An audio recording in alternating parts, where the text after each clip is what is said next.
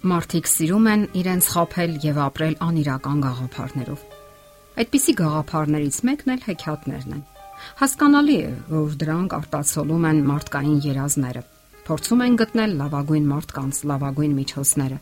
լավագույն գաղափարները եւ վերջապես այն ամենը, ինչը միայն կարող է երջանկացնել մարդուն։ Իսկ ով չի կարող երազել այնպիսի կախարդական միջոցի մասին, որը կփոխի մեր ողջ կյանքը կապակինի մեր հոգեկան վերքերը, հույս եւ վստահություն կհաղորդի մեր կյանքին, կարտնացնի հոգեվոր եւ ստեղծագործական ընտունակություններ։ Կա այնպիսի միջոց, որը ոգեշնչված կյանքի կկոչի մեզ, ծառայելու հանուն մերձավորի, սիրելու նաեւ այն մարդկանց, ում չենք կարողանում անգամ համակրել։ Ոչ մեկս չենք հրաժարվի այդ կախարդական միջոցից եւ անգամ պատրաստ ենք մեծ գումարներ վճարել դրա համար։ Լավ, մի կողմ թողնենք հեքիաթները եւ մարդկային անուրջները, մեծ գումարները։ Դրանք ոչինչ էլ չեն կարող անել, բայց ասենք որ կա այդպիսի միջոց եւ այն մատչելի է ցանկացած մեկի համար, ով որոնում է այն իր կյանքում։ Իսկ ո՞րն է այդ միջոցը։ Այդ միջոցը սերն է, եւ սերը մարդիկ չեն հորինել։ Սակայն բոլորն էլ իրենց կյանքում զգացել են նրա հրաշագործ, բուժարար եւ վեհացնող ազդեցությունը։ Այս աշխարհում ոչինչ չի կարող մրցակցել սիրո հետ, որովհետև այն ընդունակ է վերափոխել մարդու կյանքը։ Արժե նաև ճշտել, որ խոսքը ռոմանտիկ սիրո մասին չէ, որը պարզապես սիրո տարատեսակներից մեկն է։ Շատերն այն կարծիքին են, որ ռոմանտիկ զգացմունքները կարող են գեղեցկացնել մարդու վհատ կյանքը, իմաստավորել այն։ Սակայն այդպիսի սերը դեռ ոչ մեկին չի փրկել այս կյանքի դժվարություններից եւ չի լցրել ներքին դատարկությունը։ Խոսքը շատ ավելի մեծ Աստվածային սիրո մասին է, որի մասին գրում է Պողոս Արաքյալը։ Սերը երկայնամիտ է, քաղցր է։ Սերը չի նախանձում, չի գոռոզանում, չի հպարտանում։ Իրենը չի որոնում, չի գրգռվում, չարը չի մտածում, բայց ուրախանում է ճշմարտության հետ։ Ամեն բանի դիմանում է, ամեն բան հավատում է ամեն բանի համար հույս ունի, ամեն բանի համբերում է։ Ահա Աստվածային սկզբունքային սերը։ Եվ այս բոլոր խոսքերը դատար գերազանքներ չեն։ Այդպիսի սերը իրական է եւ կարող է գործուն ուժ ու կենսակերպ դառնալ բոլորիս համար։ Յուրաքանչյուր մարդու հոգում կա սիրո մի գավաթ, որը կարիք ունի անընդհատ լցվելու եւ նաեւ դատարկվելու իր պարունակությունը բաժանելու շրջապատի մարդկանց։ Սիրո գործընթացը երբեք չի դադարում մարդու ողջ կյանքում։ Այն շատ կարևոր սկզբունք է, որն ապահովում է մարդու երջանկությունը իր ողջ կյանքում։ Իսկ երբ դա կենսական չափանիշ չի դառնում մարդու համար, նրան ձախողում է սպասվում։ Այսօր շատ մայրեր ու հայրեր կամ նույնիսկ մեծ փորձառություն ունեցող տատիկներ ու պապիկներ այն սխալ կարծիքին են, որ երեխաների հետ հարկավոր է վարվել այնպես, ինչին նրանք արժանի են։ Բայց մենք հավանաբար նկատել ենք, որ այս սկզբունքը միայն խանգարում է ճիշտ դաստիարակությանը։ Ինչու՞։ Այն, ինչին երեխան արժանի է, միշտ չէ որ համապատասխանում է նրան, ինչի կարիքը նա ունի։ Մեկ անգամ էլ կրկնենք։ Ինչի կարիքը նա ունի եւ դաստիարակության ճշմարիտ էությունն այն է,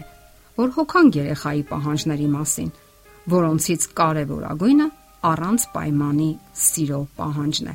Սեր որ կախված չէ այն բանից, թե իրեն ինչպես է դրսևորում երեխան կամ ինչի է արժանի նա։ Հենց այս սկզբունքն է գործում նաև մեր կյանքում, մարդկային հարաբերություններում։ Իսկական սերը ենթադրում է տալ այն լավագույնը, ինչ մենք ունենք Կյանքի մեծագույն ողբերգություններից մեկն այն է, որ մարդիկ դադարում են սիրելուց եւ նրանց կյանքը վերածվում է անապատի։ Տերյանը այսպիսի տողեր է գրել.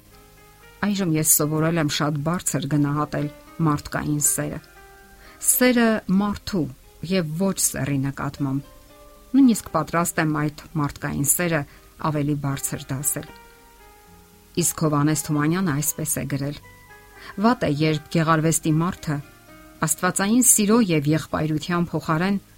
ատելության ու շովինիզմի կիրքն է բորբոքում մարդկանց սրտերում։ Սիրո գավաթի կանոնը ենթադրում է, որ մարդու տարիքը կապ չունի սիրո քանակի հետ։ ցանկացած տարիքում մենք կարող ենք օգտվել սիրո այդ անսպառ աղբյուրից, զգալ նրա ազդեցությունը մեր կյանքում։ Սկզբունքն այն է, որ երբ մենք նվիրում ենք այդ սերը շրջապատին, այն մեզ հետ է վերադառնում։ Սերը սեր է արարում։ Շատերն իհարկե չգիտեն, թե կյանքում ինչպես իրականացնեն Հիսուսի падգամը։ Սիրեցեք մարդկանց։ Նրանք անընդհատ ջանքեր են անում։ Լսենք նաև նշանավոր մտածող Լեյբնիցին։ Սիրել նշանակում է սեփական երջանկությունը վերածել մեկ այլ մարդու երջանկության։ Ուշագրավ միտք է արտահայտում նաև նշանավոր գրող Նոբելյան մրցանակի դափնեկիր Պաոլո Կոելյոն։ Մենք ոչ թե դադարում ենք սիրել, որովհետև ծերանում ենք, այլ ծերանում ենք, որովհետև դադարում ենք սիրել։ Դուք երբևէ մտածել եք այս մասին։ Իսկ ահա շատ մարդիկ էլ զգուշանում են իրենց զգացմունքները դրսևորելուց, որpիսի տարօրինակ ու խենթ չթվան այլոց աչքին։ Սակայն սիրելը կարևոր է։ Այսպես վարվելով դուք հիանալի անznավորություն կլինեք ամենից առաջ ձեր ընտանիքում, ձեզ համար հարազատ մարդկանց համար։ Ձեզ հետ հեշտ կլինի շփվել։ Մարդիկ կկիսվեն ձեզ հետ, համարելով հուսալի անznավորություն Արդյոք այդպես ավելի լավ չէ հենց ձեզ համար։ Արդյոք ավելի հեշտ ու թեթև չի լինի այդպես ապրելը եւ ավելի երջանիկ։ Եվ վերջապես մեզ համար կարող են կյանքի ուղենիշ ծառայել Հիսուս Քրիստոսի հետևյալ խոսքերը. Բայց ես ասում եմ ձեզ. սիրեցեք ձեր թշնամիներին, օրհնեցեք ձեզանից ողներին, բարի արեք ձեզ ատողներին եւ աղոթ քարեք ձեզ չարչարողների եւ ձեզ հալածողների համար։ Եվ շարունակելով իր միտքը, այսպես է եզրափակում, որ worth-իները լինեք ձեր հոր, որ երկնքում է։ Եթերում ղողանջ հավերժության հաղորդաշարն է։ Ձեզ հետ է Գեղեցիկ Մարտիրոսյանը։